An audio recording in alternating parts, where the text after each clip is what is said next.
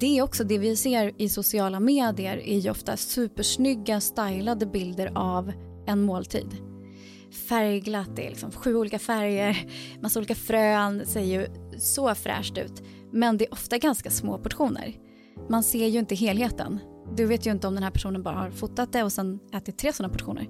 Så det tror jag också kan vara liksom ett problem för en del. Att vi hela tiden ser det här mindre. Vi ser inte de här ganska stora portionerna som många av oss kanske skulle behöva äta. I dagens avsnitt träffar vi Anna Hamilton, eller Food Formation som hon går under på sociala medier. Anna är utbildad dietist med en funktionsmedicinsk inriktning. Anna hittade funktionsmedicin efter sina två graviditeter. Vid den här tiden var hon allmänt trött, hon hade eksem och mensvärk varje månad. Och hon gick och tog prover på vårdcentralen och enligt dem så var hennes värden helt perfekta. Men med tanke på att hon inte mådde bra så kompletterade hon med andra funktionsmedicinska prover som visade att hon hade flera obalanser och näringsbrister. Och det här ledde till att Anna gjorde en helomvändning i kost och livsstil och sex månader senare mådde hon så mycket bättre med en lugn mage, full av energi och fri från mensvärk. Nu hjälper hon andra att må bättre genom sin praktik Food Formation. Hej och välkommen Anna Hamilton. Tack snälla. Så fint att ha dig här. Det känns jättebra. Härligt. Magiskt. Och jag tänker att vi börjar med den första frågan som vi ställer till alla våra gäster. Och det är att vi tror någonstans att vi alla är här för ett mission. Att det finns ja, men, någonting som vi älskar att göra och som vi brinner för lite extra. Så vad skulle du säga är ditt mission, Anna? Mm, bra grej att börja med. Eh, mitt mission det är, ja, men det är att jag vill att kvinnor ska få må bra. Kortfattat, att vi kvinnor ska få ha samma möjligheter som män egentligen. Jag kan tycka att kvinnofrågor i dagens Sverige inte tas kanske på allvar med avseende för liksom, hur vi fungerar. Så att jag, vill, jag vill hjälpa kvinnor att nå sin fulla potential. Eh, och det går verkligen, så det, det är väldigt kul att jobba med också. Wow. Wow, vilken inledning. Ja, älskar. Ja, fantastiskt. Och idag så tänkte vi djupdyka i men just mat kopplat till menscykeln eftersom att du är dietist och eh, ja, men hur man kan använda det för att förebygga och minska mensrelaterade besvär men också hur man kan använda det som ett kraftfullt verktyg inför, under och efter graviditet. Och, eh, ja, men vi tänkte börja med grunden för att förstå hur det vi äter har en påverkan på våra hormoner och menscykel. Kan inte du berätta mer om vilken koppling det finns mellan just mat, hormoner och menscykel? Ja, alltså det finns ju alla kopplingar eftersom att jag tänker att allting som händer i vår kropp hänger ihop. Eh, även om vi idag gärna kanske ser det som uppdelat efter olika så här, organ och där har vi njursvikt och där har vi hjärtsvikt. Eh, men jag ser det som, eh, om man skulle förklara det som en pyramid, eh, där vi har en botten. Liksom. I botten av pyramiden så har vi alla ett behov av mat och ja, i form av näringsämnen och vatten. Det behöver vi alla få i oss.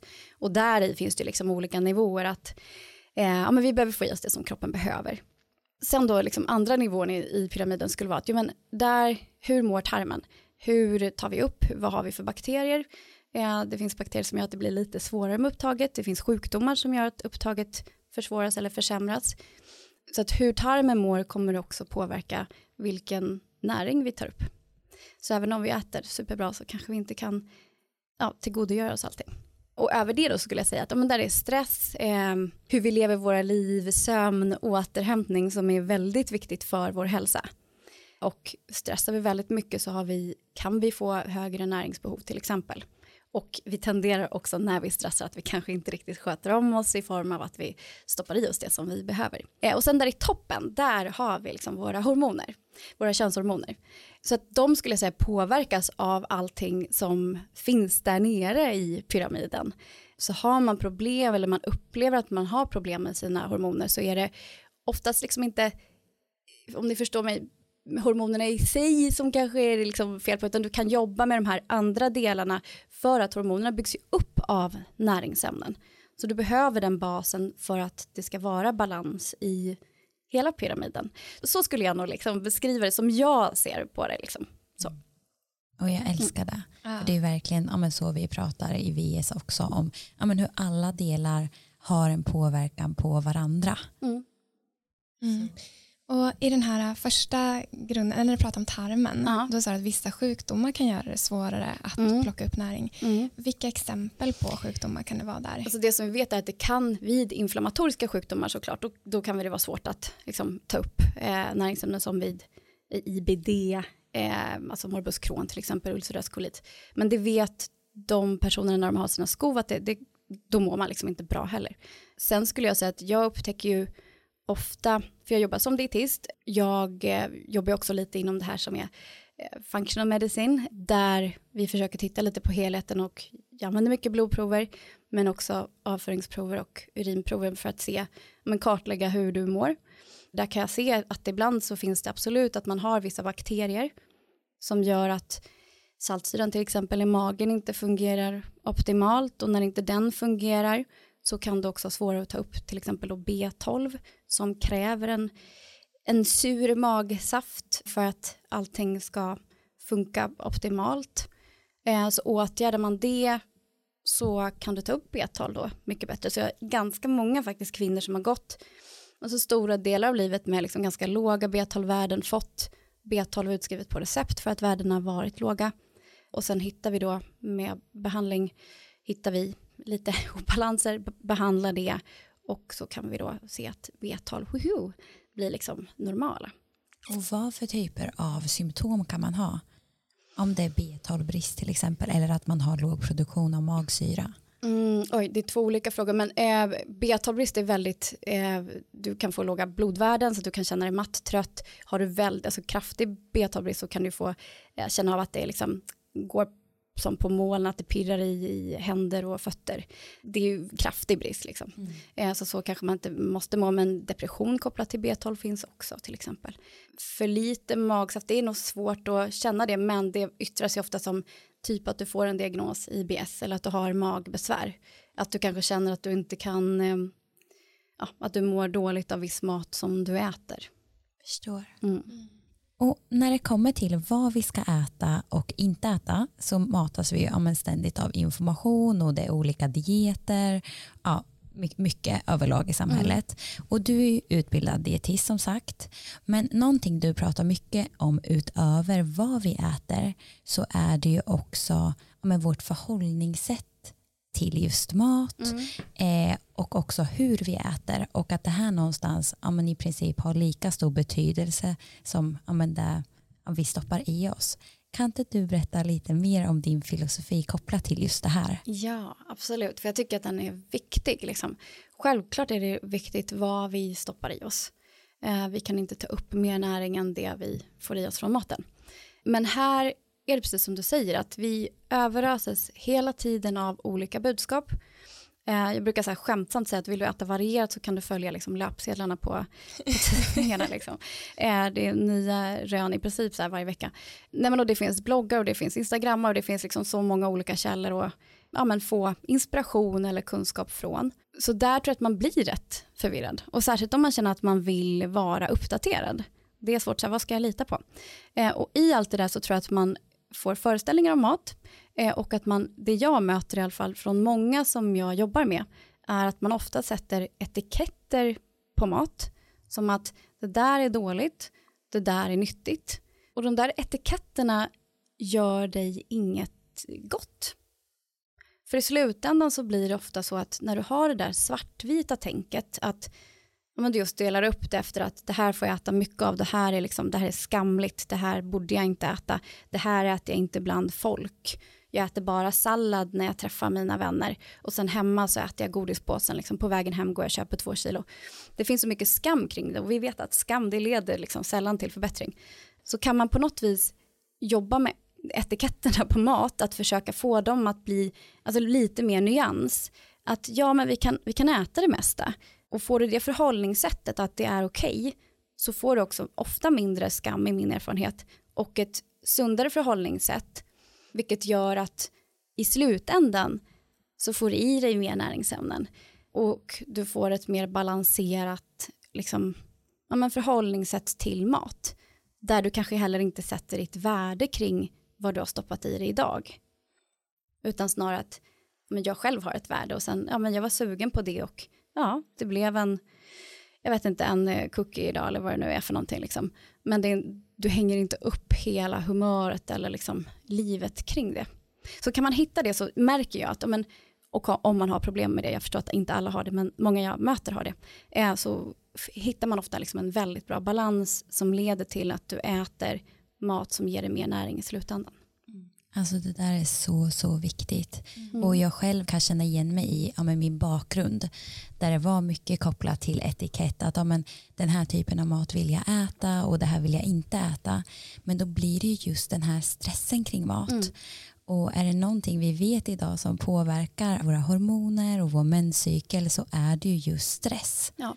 Så att många gånger kan ju ja, men förhållningssättet, mindsetet till mat skapa mer stress och motsatt effekt mm. versus att faktiskt vara mycket mer tillåtande och som du säger inte kategorisera någonting som bra eller dåligt. Ja, alltså jag märker verkligen det. Att så här, det här svartvita tänket gynnar sällan dig. Liksom. Mm. Um, och det går verkligen att jobba med det. Um, att bara bli medveten om att man faktiskt ser på det ett första steg, är liksom, om det är verkligen första steget.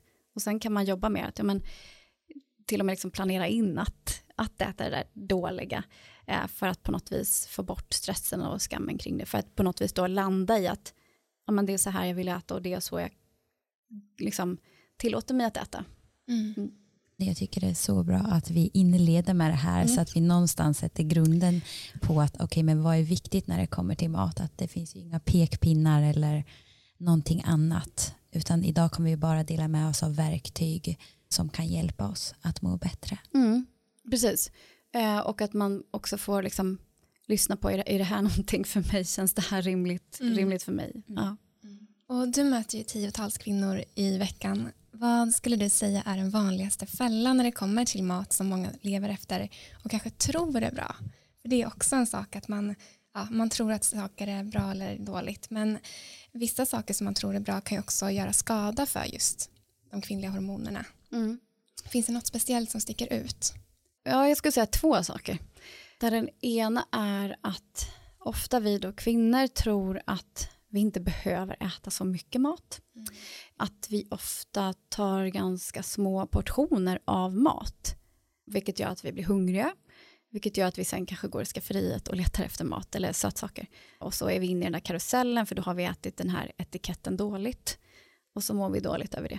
Så att, att vi ofta, eller vi som är kvinnor menar jag då, tenderar att välja ja, små, små portioner. En del upplever ju att det finns en skam över att ta en till portion, att känna att man är riktigt mätt, att den här mättnaden kan trigga. De som haft ätstörningar innan kan triggas av det om man har till exempel bulimi, man vill kräkas upp, att då, då är den här mättnaden så starkt kopplat till att man ska kräkas till exempel. Så det finns mycket där kring liksom storleken på maten. För sen kan man ligga liksom i, i energibalans på att man kanske får i den mängden kalorier som du behöver om dagen. Men att kanske en fjärdedel av de kalorierna kommer från kakor, bullar, chips.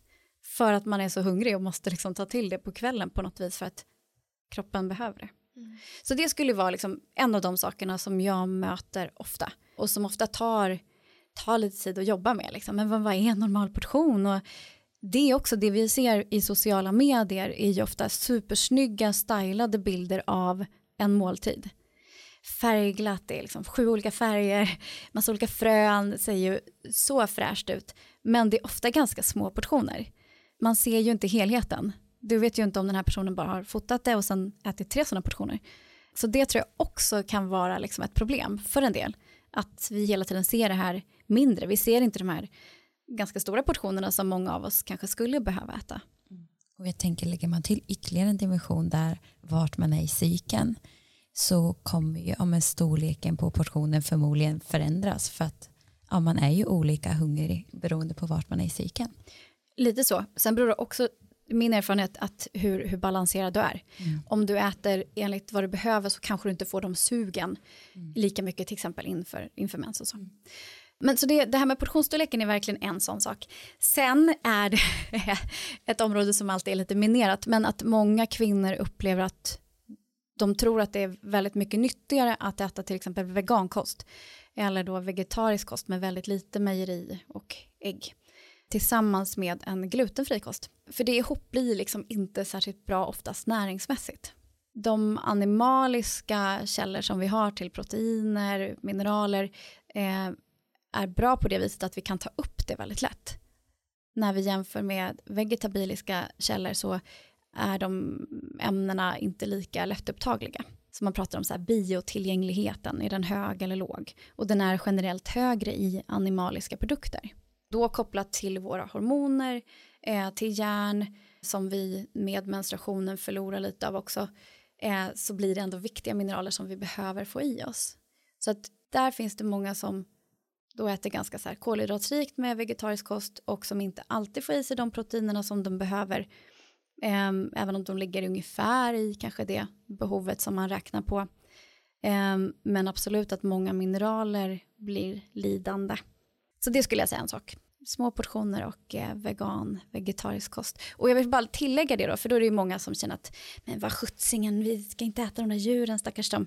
Eh, ja, nej, det, vi har säkert jättehemsk liksom, djurvård på vissa ställen och eh, där kan man ju liksom fördjupa sig i vad är bäst där att köpa, men jag går inte in i den eh, liksom miljödiskussionen, mer än att det finns andra sätt att tänka på miljön också. Det är väldigt få som pratar om att, jag tror det är så en portion fläskfilé kräver, alltså är lika dåligt för miljön som en påse med skumtomta liksom. Men det är väldigt få som pratar om det. Så där kan man välja att så här, släng inte maten liksom. Det finns olika sätt menar jag. Eh, och att vi absolut ska tänka på klimatet, självklart, men vi får heller inte glömma bort oss själva. När vi kvinnor i fertil ålder har väldigt höga näringsbehov, särskilt om vi är gravida eller ammar. Mm. Så om man skulle sammanfatta det du sa nu kopplat till liksom vegetabilier och animalier. Mm. Så om man äter mer vegetabiliskt, vegetariskt eller veganskt så är det ja, men dels att man kan ha svårare att få, alltså, ta till sig näringen i det man äter. Mm. Det är dels det. Det stämmer. Mm. Och att det inte innehåller ja, men alla vitaminer och mineraler man behöver. Och sen just protein Mm. Och, och det, alltså, du kan absolut få i dig de mängden proteiner som du behöver med vegansk och vegetarisk kost, särskilt med vegetarisk kost. Eh, men du behöver tänka på, återigen, eh, storleken. Eh, äter du helt vegansk och äter mycket baljväxter så behöver du ganska stora liksom, portioner. Och har du då, som många kvinnor har, problem med IBS så blir det ett bekymmer. Och då kanske man eh, väldigt mycket halv och helfabrikat som absolut kan vara en smidig lösning men i långa loppet Eh, så har inte de alla näringsämnen i sig jämfört med bönor eller eh, animaliska produkter som har större, ännu högre mängder. Då. Och någonting som du pratar ganska mycket om på din Instagram är ju just om kopplat till PMS och näringsämnen och mat. Så jag tänkte bara att vi skulle djupdyka vid det nu. Det här är ju någonting som också är ganska ja, tydligt i forskning, att det finns koppling mellan just mat och PMS och framför allt hur man ja, kan förebygga det. Eh, genom viss typ av mat som man äter och näringsämnen. Men kan inte du berätta lite mer specifikt, vad finns det egentligen för koppling när det kommer till mat och PMS? Ja, men PMS, eh, premenstruellt eh, syndrom, upplever en del kvinnor i olika svårigheter, kan man svårighetsgrad, innan menstruation, som mellan ägglossning och mens. Du kan inte ha det när du står på p-piller. Så vad är kopplingen? Jo men det finns, man är väl liksom lite försiktig och liksom vanliga vården pratar väl inte om det här skulle jag säga. Eh, så jag har ju valt att fördjupa mig inom det. Det jag kan se är, men återigen egentligen den här liksom pyramiden om jag skulle återkoppla till den, att, eller återkomma till den, att den är viktig. Eh, när du har obalanser så kan det påverka dina eh, hormoner. Eh, och PMS kan bero av närings brister, obalanser där eh, och obalanser i dina hormoner. Och jag tänker att det egentligen är så vården delvis tänker eftersom att ja, men, när du kommer med PMS-besvär så kan du bli rekommenderad p-piller. Så man ser ju ändå att det är någonting med hormonerna där också. Vi vet att stress påverkar PMS också. Delvis har det att göra med att stress är bland annat kortisol, så att stress är ju hormoner vi styrs ju av dessa ämnen. Och när vi stressar mycket så tar vi eh, egentligen byggmaterial för progesteron som är det hormon som vi har efter ägglossning. Eh, och då kan det också bli, kan många uppleva att man får eh, sämre PMS eller värre PMS. Eh, men sen är det väldigt individuellt. Så att när jag jobbar med klienter så är det oftast inte det som man söker för, utan det kan vara ett av många besvär, men som lindras när vi jobbar med, med helheten. Ja, men när det kommer just till att försöka då minska PMS med hjälp av mat, finns det några tydliga saker som du brukar jobba med som du kan se effekt av? Men det blir så himla beroende på, på vem jag har framför mig, så det blir lite olika. Det finns ju liksom forskning på på olika tillskott eh, eller olika mineraler, zink till exempel. Men det ska vi gå in på det så blir det liksom, det gäller inte för alla. Det kan gälla för, för den som jag har framför mig men svårt att säga att det skulle vara likadant för alla. Men att man försöker hitta de här obalanserna som, som gäller för den personen. Eh, men att stress är absolut i alla fall någonting som det kan jag säga till många, att, men det, det kan man behöva jobba med om man känner att man lever ett stressigt liv, vilket många idag gör, där det liksom inte finns liksom, tid och plats för, för återhämtning. Om man ska generalisera, så jag bara säga ett exempel. Om jag står och svarar på ett sms hemma, då kan jag liksom göra det lite samtidigt som jag typ står och lagar mat. Eh, nu ska jag absolut inte hänga ut min man, men jag gör det ändå. Eh, Medan han då säger, vänta lite, jag ska sätta mig ner. Och då svarar han på ett sms och så här, nu, nu smsar jag. Mm. Medan jag, och jag ser ju det hos många liksom kvinnor som jag känner också, att man gör många saker. Bara väver in det i det här att vi är så vana vid att göra mycket saker, vi kanske inte alltid prioriterar oss själva, eh, vilket såklart går ut över oss själva. Och det är en sån svår men ändå enkel grej att försöka så här, men vad mår jag bra av, hur får jag plats för återhämtning i mitt liv och återhämtning i form av att jag känner mig återhämtad, inte bara att det står på schemat så här, yoga 60 minuter utan att vi faktiskt, ja men vi känner oss avslappnade liksom.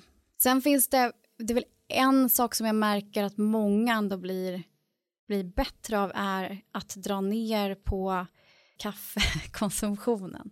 Mm. Och det, kan, det är ju väldigt så här, ofarligt att testa det. Så har man PMS kan man absolut prova det. Evidensen kring det, ja, vet inte riktigt. Jag märker det, att, alltså rent liksom, klinisk erfarenhet att det kan hjälpa. Sen är det svårt att så här, jag jobbar med många olika saker, inte bara att jag säger att du ska sluta dricka kaffe. Så det är svårt att liksom sätta fingret på exakt vad det är som, som gör att det blir bättre. Men det är klart att håller du på och dricker så här fem koppar kaffe, två stycken innan du har typ gått till jobbet, innan frukosten, så kan man ju undra så här, varför behöver du göra det? Är det för att du är så himla trött? Ja, då kanske du ska börja med i den änden istället för bara fortsätta, fortsätta köra. Så viktigt. Och nu har vi varit inne ganska mycket på PMS, men jag vet ju även att du ja, har hjälpt kvinnor som exempelvis har PCOS. Och jag tänker att om det finns någon här som lyssnar på det här och har PCOS, finns det några specifika tips för hur man kan använda mat och näring som ett verktyg för att förbättra sin PCOS? Jo, men det finns eh, absolut sätt och som alltid så blir de liksom individuella utifrån vem jag har framför mig. Jag kollar ofta på blodprover, jag tittar på sköldkörteln och olika könshormoner för att se liksom, vad är den här personen, vad har den problem med. Eh, men det är en, en metabolisk sjukdom där risken ökar för hjärt och kärlsjukdomar. Så att de faktorer som gäller för hjärt och kärlsjukdom gäller ju även för PCOS då. Eh, så att mycket handlar till exempel om att eh, se till att ens blodsocker ligger bra. Jag upplever att en del ligger lite högt i det här som kallas för HbA1c, det här långtidsblodsockret till exempel. Så att, att försöka få balans där eh, kan vara ett väldigt bra sätt. Eh, vi vet att, att ätstörningar är ganska vanligt vid PCOS också. Så att, återigen det här med kanske etiketter på maten, hur ser man på maten, vad är en stressorer, det kan man komma ganska långt med också och på något vis väva in återhämtningen. Sen finns det massa grejer att göra men jag kommer liksom inte gå in på detaljer, detaljer. Men eh, ett, en sak som man kan göra absolut att försöka få så här, men att äta regelbundet, eh, inte bara äta kolhydratskällor, eh, utan att få i sig av protein och kolhydrater och fett är liksom lagom mängd för dig. Mm. Jättebra tips. Finns det någon typ av mat eller livsmedel som kan förvärra symptomen vid PCOS som man kanske ska undvika? Eh, det beror ju på liksom vad, du, vad du har för PCOS. Det, eh, PCOS drivs av olika faktorer. Sen kan man ha olika, alltså man kan ha alla de här faktorerna. Eh, men eh, därför så beror det på vad du har för PCOS. Eh, jag tycker ju sällan att det är eh, någonting som man alltid ska undvika för alla. Och skulle det vara så enkelt så då skulle kanske inte jag behövas heller.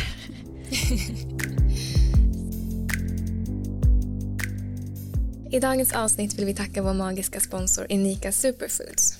Ja, vi är så glada för det här samarbetet och för er som aldrig har talat om Inika så är det ett nytt svenskt holistiskt brand som precis som Women's Inc är grundat av kvinnor. Mm.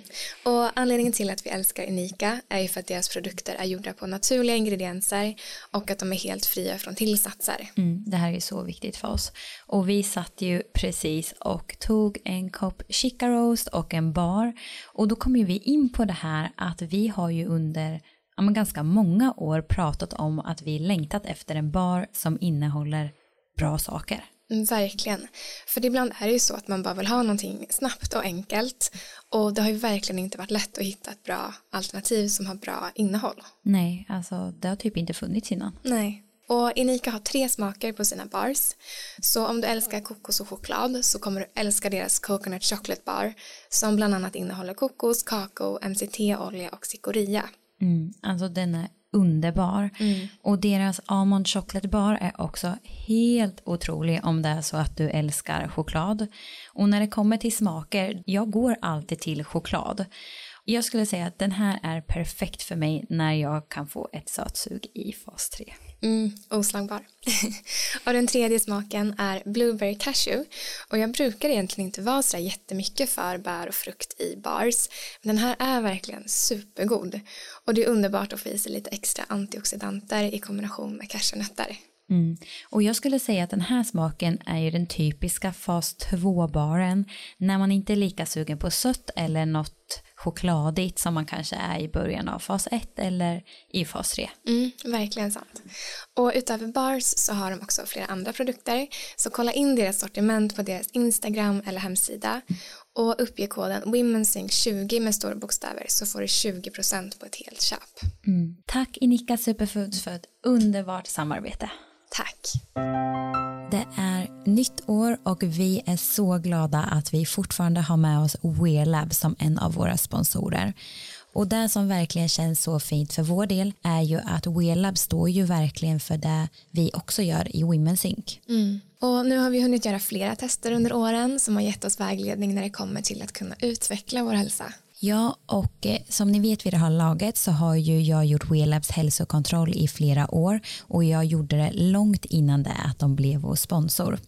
Och med tanke på att jag har en bakgrund där jag haft obalanserade hormoner så har det varit väldigt viktigt för mig att ta prover för att svart på vitt kunna se status på hormoner, sköldkörtel, blodsocker, inflammation och eventuella näringsbrister. Mm. Och man får ju verkligen grundläggande koll på sin hälsa genom Wearlabs. Mm. Och det som har varit så bra är att utifrån mina provsvar så har jag verkligen kunnat ta action på flera saker i min livsstil som jag annars inte hade fångat upp. Exempelvis har jag förändrat vilken typ av mat jag äter, vilka tillskott jag tar, men också hur mycket av dem som jag faktiskt tar. Mm, exakt. Och det är det här som är så magiskt med Wearlabs, att man kan göra konkreta förändringar utifrån de här provsvaren. Och nu är det ju nytt år och då är det ju faktiskt ett väldigt bra tillfälle att investera i sin hälsa på riktigt och ta reda på vad just du behöver. Mm. Och det test både du och jag har kört Sara eh, är ju WeLabs hälsokontroll XL plus och anledningen till att vi har valt det är att det ger en grundläggande genomgång av din hälsa inom åtta olika områden. Så det är allt ifrån sköldkörtel, diabetes, vitaminer och mineraler, lever och sen får man svar på 43 olika hälsomarkörer. Mm. Och just nu så har WeLabs ett erbjudande. Så vid köp över 1000 kronor så får du ett presentkort på 300 kronor. Så då kan du använda det här presentkortet för att till exempel följa upp förändringar som har skett sen sist. Och med koden WomenSync så får du också 10% extra rabatt. Så gå in på wearlabs.se och boka ditt hälsotest där. Tack snälla Wearlabs. Vi tänkte gå in lite på graviditet Mm. och eh, om det är så att man planerar inför en graviditet Vilka delar skulle du säga kan vara viktiga att se över för att få en så bra graviditet som möjligt? Och då tänker jag både liksom för en själv men också för bebisen i magen. Ja, och här tänkte jag lägga till en till person. Ja. För att det här tror jag är väldigt kvinnligt. Att så här, men jag ska fixa, jag ska göra allting. Men oftast vad gäller graviditeter, inte alltid idag, men, men oftast så är det liksom it takes two to tango.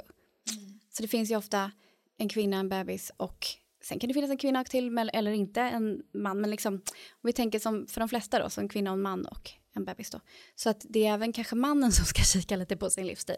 Bra input. Mm. Eh, men vad det finns för grejer, jo men jag tänker så här, att försöka äta bra mat. Att du ska få i dig näringsämnen och jag återkommer ju lite till så här, pyramiden. Mm. Eh, har man problem med magen, försök reda ut det innan.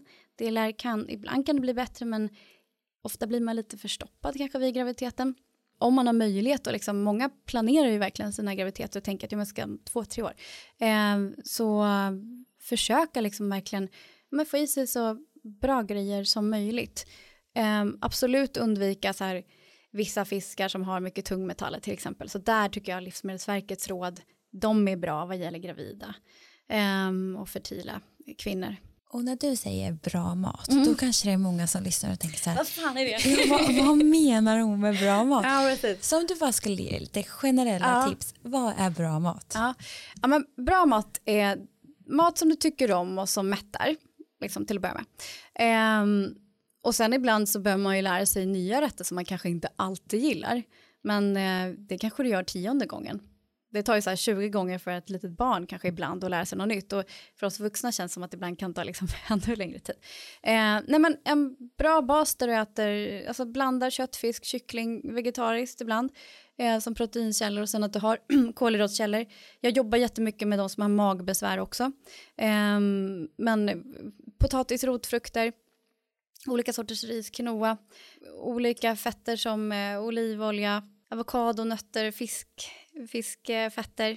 Man blandar, att man tänker olika färger så att man får i sig variationen. Vi vet att det är bra för mikrobiotan, för, för, för tarmbakterierna, att man har variationen. Att det kanske finns plats för det lilla extra och mer för att det är så här, du får ett avslappnat förhållningssätt till mat. Det är inte så att du måste få i dig socker liksom. Eh, men för en del kan det hjälpa att så här, men jag får äta det ibland och det gör att man äter mindre. Ja men det är i stora, stora drag.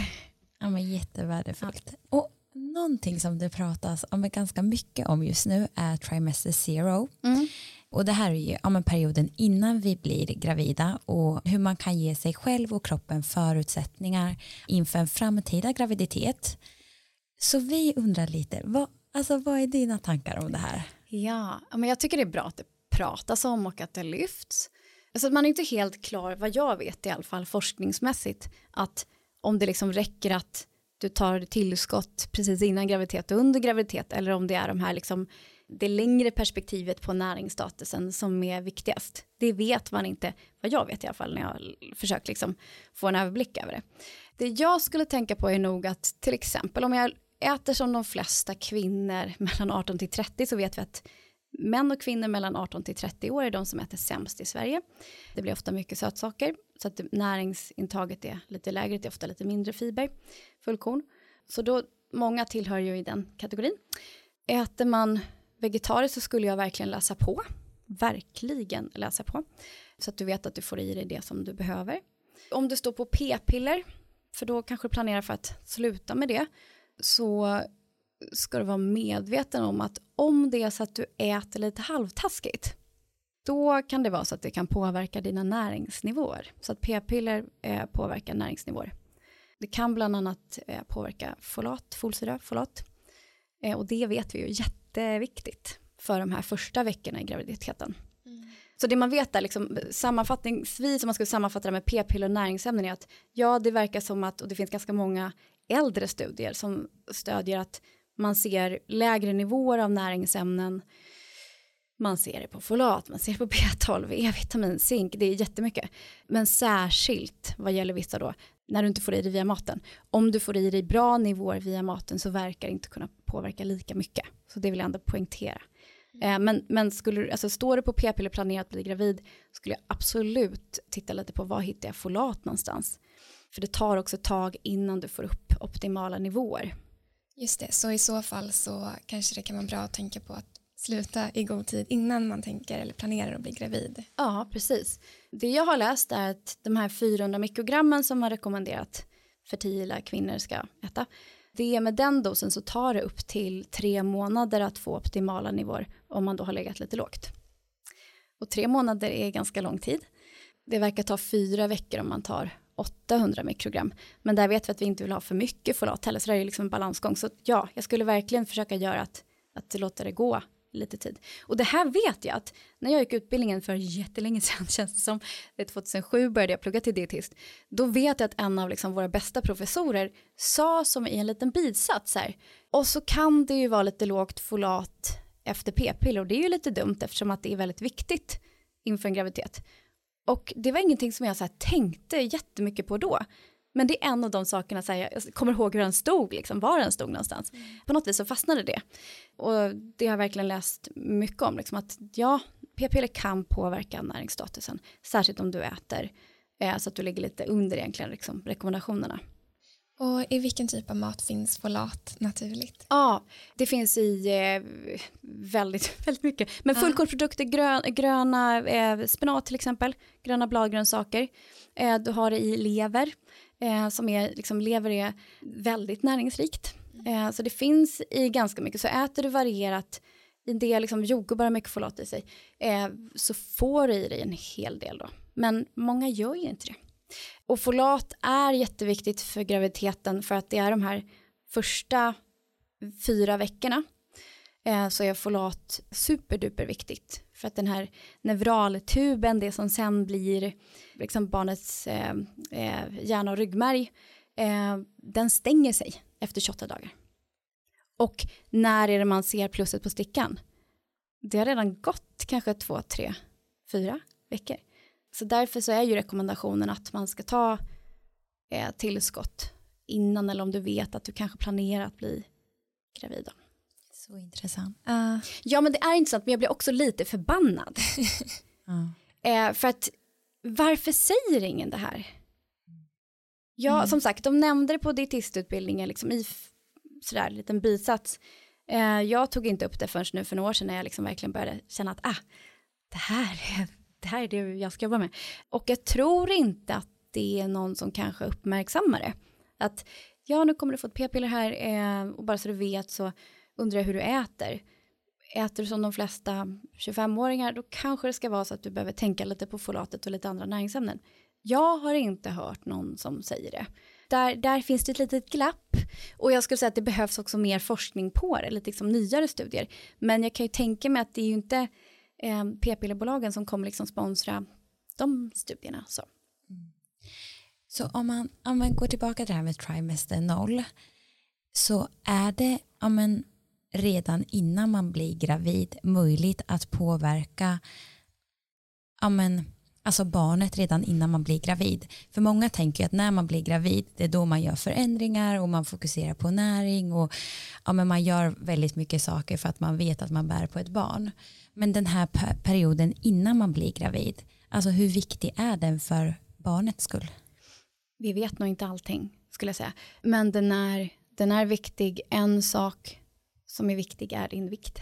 Vi vet att om du har, går in i en graviditet med undervikt och sen inte ökar din vikt som du skulle behöva göra så vet vi att det ökar risken för att ditt barn får fetma eller diabetes typ 2. Så där kan man ju säga att trimester noll spelar roll i det avseendet.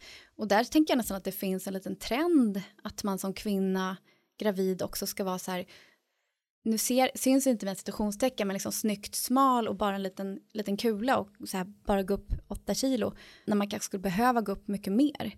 Vi vet att om du har en undervikt och fortsätter ha den egentligen under graviditeten att det också ökar risken för eh, för, tidig, liksom, för tidig förlossning. Så.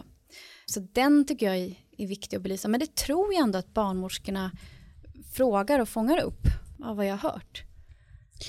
Så om man bara skulle sammanfatta den här tiden innan man blir gravid, mm. delar som, man kan, som kan vara viktiga att ta med sig egentligen ja, men att äta bra mat. Mm. Eh, att eh, har man gått på p-piller att ja, men se över näringsstatus eller det kan man göra i vilket fall som helst att man inte har några näringsbrister.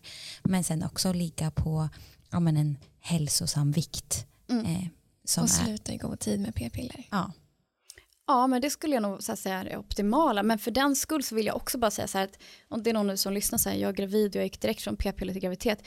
Det, det, det, kan, alltså, det går förmodligen jättebra. Nu pratar jag om så här optimering och vad, vad jag har läst från forskning eh, och erfarenhet.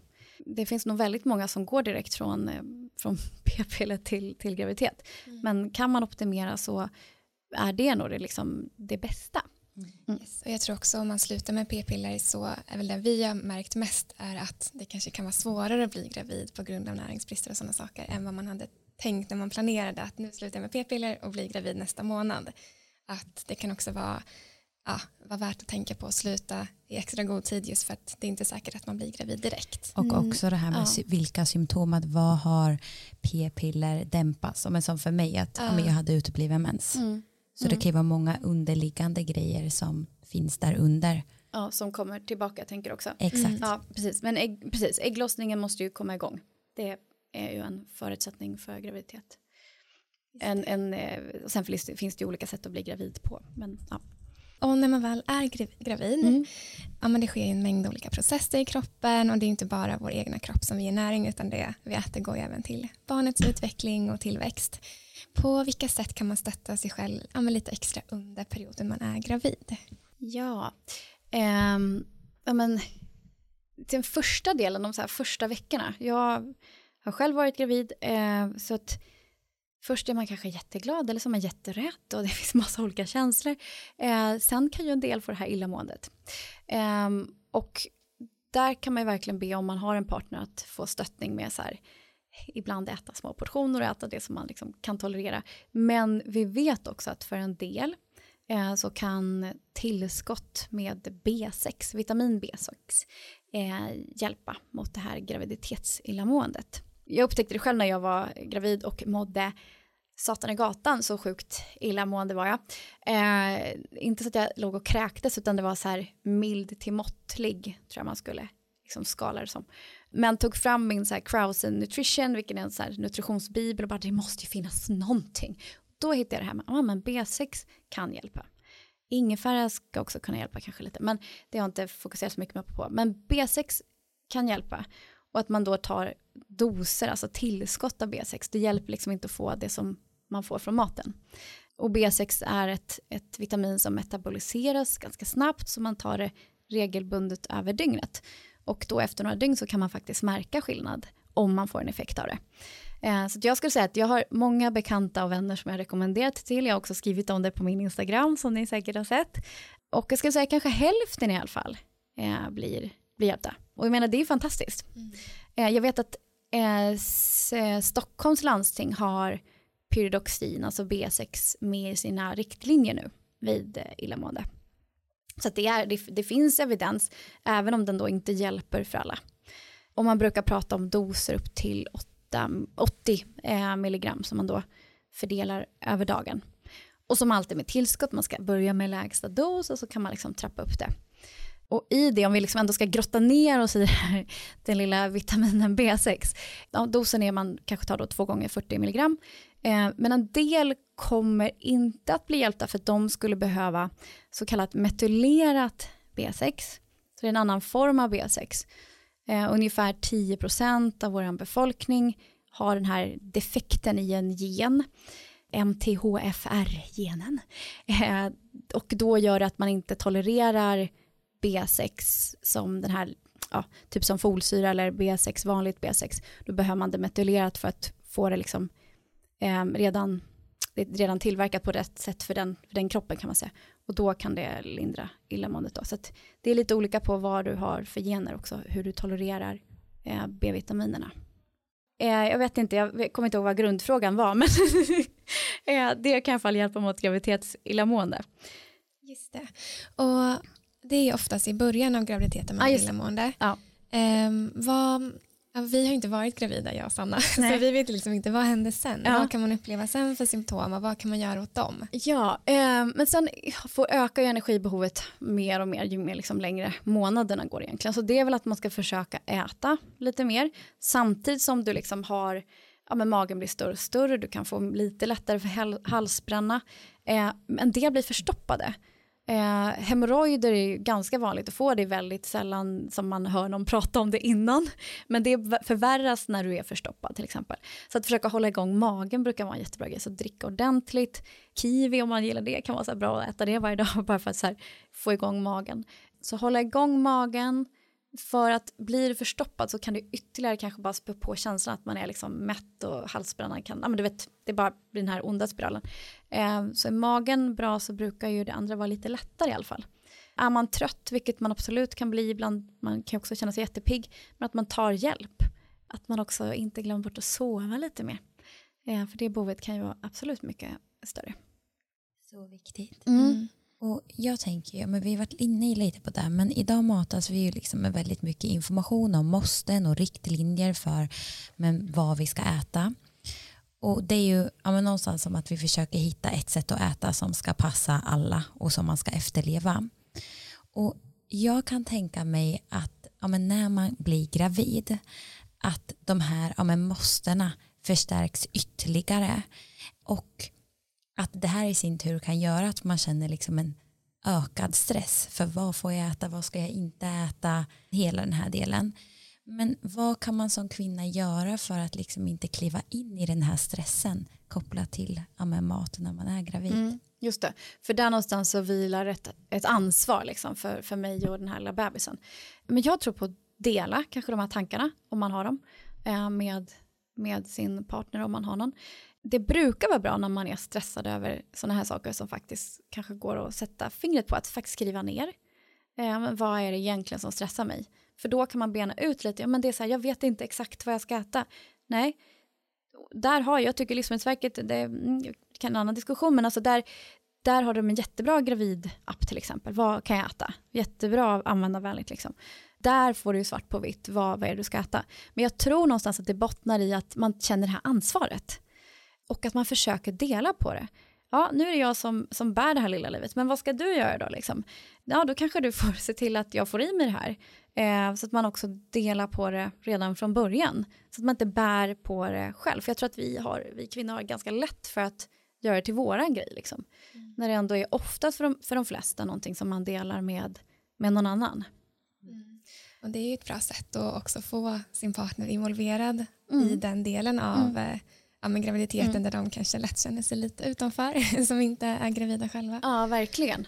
Eh, och det är mycket svårare att känna den tror jag, samhörigheten. Mm. Eh, som kvinna kan du känna att det, liksom, ja, men det växer i, i magen, liksom. man kan känna sparkarna, det blir ju mycket mer verkligt. Så det, det tror jag på, sen tror jag man vinner ganska mycket på eh, på det efteråt också. Det kommer ju en liten bebis sen förhoppningsvis. Eh, och då är man ju två stycken kanske då två stycken föräldrar som ska ta hand om det här lilla livet. Och det är ju jättebra om man redan har liksom på något vis krattat manegen till att ja, men vi, vi är två stycken som tar ansvar för det här. Mm. Och innan man blev gravid var vi inne lite på det här med folat, men under graviditet när det mm. kommer till just vitaminer och mineraler, finns det någonting som ja, men man dels kanske kan se att det, det ofta finns brister, näringsbrister hos kvinnor och eh, som vi kanske kan behöva tillskott av? Mm. Ja, men jag har några så som jag tycker man kan fokusera lite på. Sen är det ju så här, alla vitaminer och mineraler behövs. Mm. För att visst, en del kan vi tillverka från, från annat, liksom. Eh, niacin från tryptofan och ja, så. Men, men det mesta behöver vi få från maten. Men om man skulle djupdyka i några eh, så är det dels omega-3. Eh, där om du inte äter fisk och skaldjur så skulle jag absolut se till att få i mig de här omega-3 fettsyrorna, de färdiga fettsyrorna, är DHA och EPA. Det skulle jag eh, försöka få i mig från, från tillskott i sådana fall.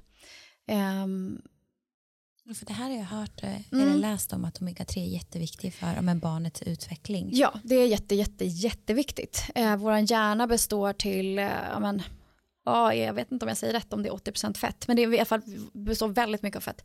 Eh, och där många av fettsyrorna är DHA. Eh, så det är är superviktigt. Eh, och det finns liksom ingen så här hård rekommendation att man ska ha exakt det här milligrammen, men man brukar prata om i alla fall 200 milligram av DHA.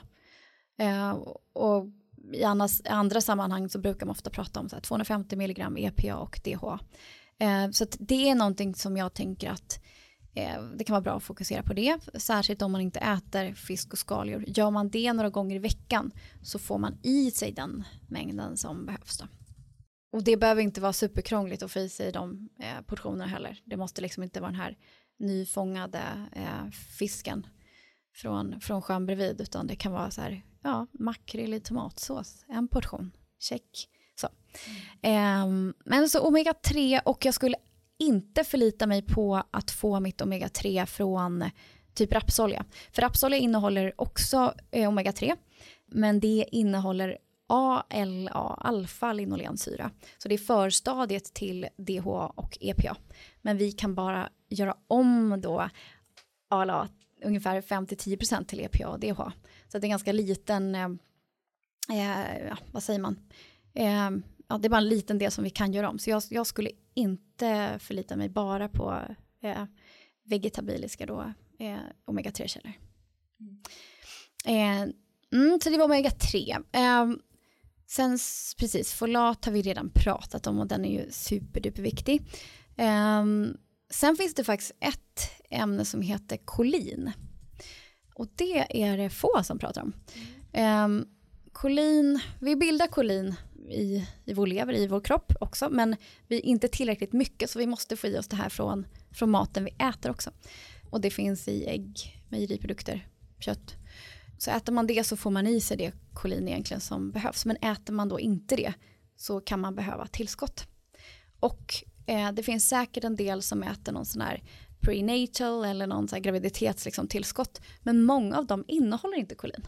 Det behöver man läsa lite extra på, på burken. Och det är jätteviktigt för fostrets utveckling. Vi har eh, kolin då i eh, våra cell, cellmembran bland annat.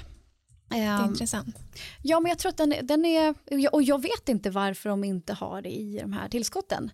Eh, jag tittade på ett som jag brukar så här, tycka är bra, som har bra former av vitaminer och mineraler som inte är så här, ja men vi tar upp dem bra, bra biotillgänglighet. Men de hade inte heller kolin i sig. Så jag har inte sett någon som har kolin i den då. Men det kanske är för att det inte är så välkänt än. Men ju mer, ju mer vi pratar om det, desto fler vet om det så att det blir så bra som möjligt i slutändan. Mm. Så omega-3 är viktigt. Mm. Eh, B6 kan vara ett kraftfullt verktyg om man är illamående. Ja. Eh, och kolin kan behöva, om man antingen fokuserar på den typ av kost och äter man inte det så kan ett tillskott vara bra. Mm, precis. Ja, och att så här, ja, men ät tillräckligt. Och har du problem med det, försök, försök på olika sätt liksom. Eh, få i dig maten om det är mindre portioner eller att du mår illa. Be din partner laga maten, matoset är inte jättebra för illamåendet, liksom kall mat. Ja. Så det finns sådana lite små tricks också. Mm, bra, bra input. Och ja, men du har ju upplevt två graviditeter. Vi är nyfikna på om du har några tips till de som är eller kommer bli gravida. Ja, men så saker som du hade önskat att du vetat innan. Ja, men B6 absolut, mm. eftersom jag gick några veckor utan det. Det hjälpte mig. Jag menar att det går i perioder, den här tröttheten, att den verkligen kan variera. Att, man, att det är okej att sova. så. Och sen verkligen, alltså mellan själva amningen, jag ammade eh, och det är många som gör det, den kräver otroligt mycket näringsämnen. Vi pratar ju ofta om så här graviditeten, de här nio månaderna när vi är gravida, men amningen kanske inte alltid får samma fokus. Och ja, men vad tror ni själva, så här, vad är det som kräver mest näring, amningen eller graviditeten? Jag har ingen aning. Förmodligen amningen då ja, kanske. Ja. ja eh, då krävs det egentligen ännu mer näringsämnen. Och där skulle jag absolut, alltså jag är ändå, jag är ändå dietist, jag borde kunna det här. Men när, när du väl är där, så här, det är en helt ny situation. Eh, en unge som, min första var jättelugn liksom, så, men det är ändå så här, okej, okay, okay, mat nu, haha. Och jag tror absolut inte att jag fokuserar på mig själv. Eh, jag vet själv att jag rasade i vikt och såg ut liksom som ett mindre skelett efter ett tag för att jag bara liksom hann inte äta. Att ge sig tiden att så här, till sin partner bara du, du får fixa käket för jag fixar käket till en annan person här. Um, så att det finns färdig mat och man behöver äta jättemycket för att du har verkligen ett högre både energibehov men också näringsbehov. Uh, så det skulle jag nog liksom verkligen vilja haft som mer information kring, kring det. Så att du kommer behöva äta mycket, du kommer behöva hjälp, mm. liksom färdiga portioner som ligger där. Saker man du kan äta med en hand liksom, mm. i, i en skål medan du ammar. Typ. Ja. Ja, har du några hacks där på saker som ändå så här, de som sitter där hemma och ammar och bara okej okay, ge mig inspiration, vad skulle jag kunna äta med en hand, vad kan det vara? Ja, men alltså, all, allting som kan vara en skål är ju skitbra, då går det ju att äta liksom mycket. Sopp soppor är ju rätt bra, alltså du kan äta med en sked, liksom. men lite så här grötgrytor typ är ju toppen. Sen får det inte vara för varmt för du vill inte bränna det här lilla livet som du har liksom på bröstet. Jag åt en del så här barer också, nötter, sånt som man kan liksom små snacksa på också. Ja, men, men grytor och att just att det är så himla eh, bra att kunna göra ett så här, ja men eh, långkok i ugnen typ, som är flera portioner så finns det där liksom. Mm. Bra tips. Och vi vet ju att du lyfte en studie på din Instagram för inte så länge sedan som handlade om hur just näringstillskott kunde förbättra bröstmjölk. Mm. Nu när vi ändå är inne på amning. Ja. Kan inte du berätta lite mer om det här? Ja, just det. Det skrev jag om. Mm. eh, det var precis, det var en sån randomiserad eh, kontrollerad studie så det var liksom bra, bra kvalitet på, på studien. Eh, jag, jag, tror att det var 70 kvinnor eh, som man tittade på och så grupperade man då efter att eh, ena fick inte göra någonting särskilt och den andra fick eh, multivitamintillskott. Eh, och då såg man att den gruppen som hade fått multivitaminer eh, hade högre näringsämnen i, i eh, bröstmjölken än den andra gruppen och hade mer av det här DHA, just det, för de fick också DHA, alltså fettsyran omega-3 i färdigt format. Så de hade högre nivåer egentligen av, av ja, det mesta. Och den här studien gjordes i Tyskland så att jag tänker att det kan översättas till hur vi har det i Sverige. Vi äter väl ungefär likvärdigt tänker jag. Och att det fanns en dietist eller nutritionist med i studien också som tittade på hur de åt och man såg att de kom inte riktigt upp i rekommendationerna. Eh, för det är ju så, vi har ju superhöga liksom, behov under, under amningen. Så där tänker jag att eh, tycker man att det är svårt så kanske det kan vara en idé att, att faktiskt ta något multivitamintillskott då. Sen var den studien som vi pratar om nu, jag vet att den var, beställaren av den var ju något företag som sålde multivitamintillskott. Så att man får ju se att det kan ju vara lite vinklat, lite bias där, lite vinklat. Eh, samtidigt så har ju de redogjort exakt för mängderna på tillskotten, så jag tänker det, det går ju att översätta liksom enklare till, till något annat tillskott också. Mm. Men, men jag tänker att det belyser ändå att vad du stoppar i dig kommer också finnas i bröstmjölken. Så att det blir viktigt. Ja.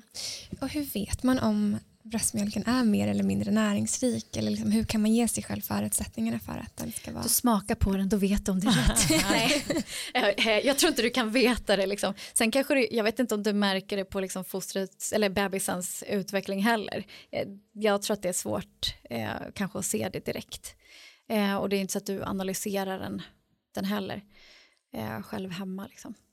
Så egentligen så handlar det om att skapa förutsättningar att ha en så bra bröstmjölk ja, som möjligt. Ja, precis. Sen kan jag tänka mig att är det så att du superrasar i vikt, eh, till exempel som jag gjorde, eh, så kanske du inte får i dig riktigt allting som kroppen behöver. Eh, så det är väl en, en signal liksom. Mm. Mm. Sen till det där, jag tänkte bara på det med, eh, som jag vet att det inte pratas så mycket om, det här med tvillinggraviditeter. Där kanske du också då eh, ammar två stycken barn och då blir behovet ännu högre. Men även under graviditeten, att när du är gravid med tvillingar så är ditt näringsbehov mycket högre än om du är gravid med ett barn. Ganska logiskt egentligen. Men jag har en del bekanta som har och vänner som har tvillingar. Jag har frågat många som har tvillingbarn och ingen har fått något råd om något, liksom, något särskilt om de är jämfört med bara ett barn. Då. Så det tänker jag att det behöver vi prata mer om någon mm. gång. Men just att näringsbehovet är högre, även proteinbehovet blir högre. Och det är, ibland är det svårt att få i sig allting liksom, när du kanske har lite halsbränna och du mår lite illa liksom. Eh, men behovet är ännu högre. Mm. Jättebra att lyfta det. Mm. Verkligen. Och ja, men vi börjar närma oss vårt slut. Men en sak som jag funderar på, som jag tycker är så intressant att ställa och det är just det här, finns det någonting som du önskar att du hade vetat om din kvinnliga biologi som hade gjort skillnad för dig om du hade vetat om det? Mm, men jag hade väl önskat att man som tonåring under liksom sexualundervisningen att man fick lite mer koll på så här ägglossning, när är man fertil. Mm. Det hade jag absolut velat ha. Jag vet att vi hade en, alltså en superbra naturlärare eh, och det var därför liksom typ 90% av vår klass valde så naturämnen efter på gymnasiet. Och jag tror hon var på den tiden ändå ganska så här genus men det var ju inte så att man gick igenom att det egentligen är, jag menar vi säger menscykel men egentligen så är det en äggcykel. Mm. Alltså det är egentligen kring det det handlar om. Mm. Så, mm, så det hade jag nog eh, velat ha kunskap om innan, absolut. Mm. Och det tror jag så många fler hade velat ha. Verkligen. Nu har vi kommit till de avslutande frågorna. Och eh, Den första frågan är, finns det något livsmedel eller mat som du absolut inte skulle kunna klara dig utan? Ja, oh, en sån liten tricky fråga. Ja. Eh, nej men jag tror inte jag har någon sån grej. Alltså, jag behöver mat. Så. Eh, och det får gärna vara variation på det. Ja, det blir nog mitt svar. Mm. Mm. Tror det. Mm. Och om du fick tipsa om en bok, vilken skulle det vara? Ja men det är ju den här Krause, liksom, nutritionsbibeln. Nej, det, det ska, den ska man nog inte läsa, men den är så bra. Nej men vet ni, jag tänker att vi är, men även du som lyssnar på den här podden vill liksom, man är informationstörstande, vill hela tiden vidare. Det finns hela tiden en jakt på att så här, jag kan inte tillräckligt. Jag kan själv känna att jag hamnar där så här, på bilen på väg till jobbet, så här, lyssna på en podd, lyssna på så här, mer information. Men någonstans så att man stannar upp och bara, men vad gillar jag att läsa? Vad blir jag så avslappnad av? Man kanske bara så här, ja men den bok som faktiskt får dig att så slappna av och bara ha det liksom en skön mysig stund. Den boken, tänker jag. Mm, fint. Ja, det är lätt att man hamnar i att allt man konsumerar mm. ska vara så kunskapsfullt och ja, så här, att man ska lära sig saker hela ja, tiden. Exakt, och att det kan bara vara en vacker berättelse. Jag läste Där, där kräftorna sjunger, heter mm. den va? Mm. Det är någon sån här bestseller, mm. jättefin. Men bara så här, om den gav mig någonting, nej jag tror inte jag lärde mig så mycket. Det handlar om träskmark och så här kärlek typ. Men det var en väldigt vacker så här, beskrivning, liksom. jag gillade den. Ja. Jättebra tips. Och eh, när vi är inne på, det kommer nästan in lite på återhämtning, att just mm. att läsa kan också vara ett sätt att återhämta sig mm. om man har någonting som bara ger liksom en skön känsla. Vad är, vad är din bästa go-to för återhämtning? Ja, men jag, jag mår bra av att få min sömn eh, och att jag då eh, lägger mig i tid. Och det kan ibland vara lite svårt. Eh, och det är inte alltid att man med barn får sova de timmar som man har planerat för att få sova. Eh, men min go-to är nog att försöka lägga mig tid och att inte och att, jag, och att jag väljer att ta det lugnt eller typ läsa en analog bok innan som inte är för bra för då fastnar jag. Mm. Eh, men eh, lagom så att jag slappnar av så att jag inte har telefonen. För jag märker hur min sömn blir påverkad av, av telefonen om jag har den precis bredvid mig eller precis innan. Mm. Och om du fick ge dig själv ett råd till ditt 16-åriga jag, vad skulle det vara? Ah, mitt 16-åriga jag. Eh, det är så här, den bilden jag får upp är när jag står på parkeringen utanför gymnasiet och min mamma hämtar mig för att jag har sån djävulsk mensvärk och står och kräks. Så det skulle nog vara att så här, Anna det kommer bli bättre. Du kommer bli av med det där. Mm. Härligt. Och så viktigt. För det, det finns ju verkligen verktyg för att må bra. Mm. Att bara för att det är vanligt betyder det inte att det är normalt eller någonting vi ska leva med. Exakt. Och att mm. många verktyg finns i livsstilen. Ja, det gör det. Mitt framför oss. Mm. mm. Wow. Tack för ett fantastiskt och inspirerande samtal. Tack för att jag fick vara med, hörni. Jätteroligt. Tack snälla.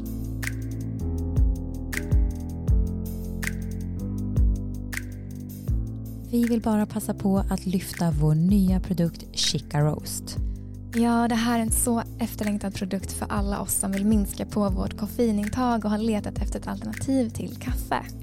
Ja, för vi har ju faktiskt letat och letat efter ett alternativ som ja, man skulle påminna om kaffe i smaken men som inte rubbar hormonerna och inte urlakar kroppen på viktiga näringsämnen. Och Chica Rose blev helt enkelt svaret på vårt sökande. Precis. Och Chica Roast är gjord på 100% ekologisk cicoria-rot och har en smak som påminner väldigt mycket om kaffe med de här rostade och nötiga smakerna men samtidigt har en hint av choklad och lite sötma. Den är ja, men, så god och vi vet ju hur viktig ja, men, den första koppen kaffe är på morgonen för ja, men, många av er och ja, men, nu har vi äntligen hittat ett alternativ som toppar kaffe. Verkligen. Och det bästa med den här produkten är att den till störst del består av den prebiotiska fibern inulin. Och inulin kan ha en mängd positiva effekter för både matsmältning och även för blodsockret. Och dessutom så har den lugnande effekter så man kan dricka det på eftermiddagen och på kvällen utan att det påverkar vår sömn. Vi hoppas att ni är lika taggade som oss på att testa den här produkten och du hittar den på vår hemsida womensing.se.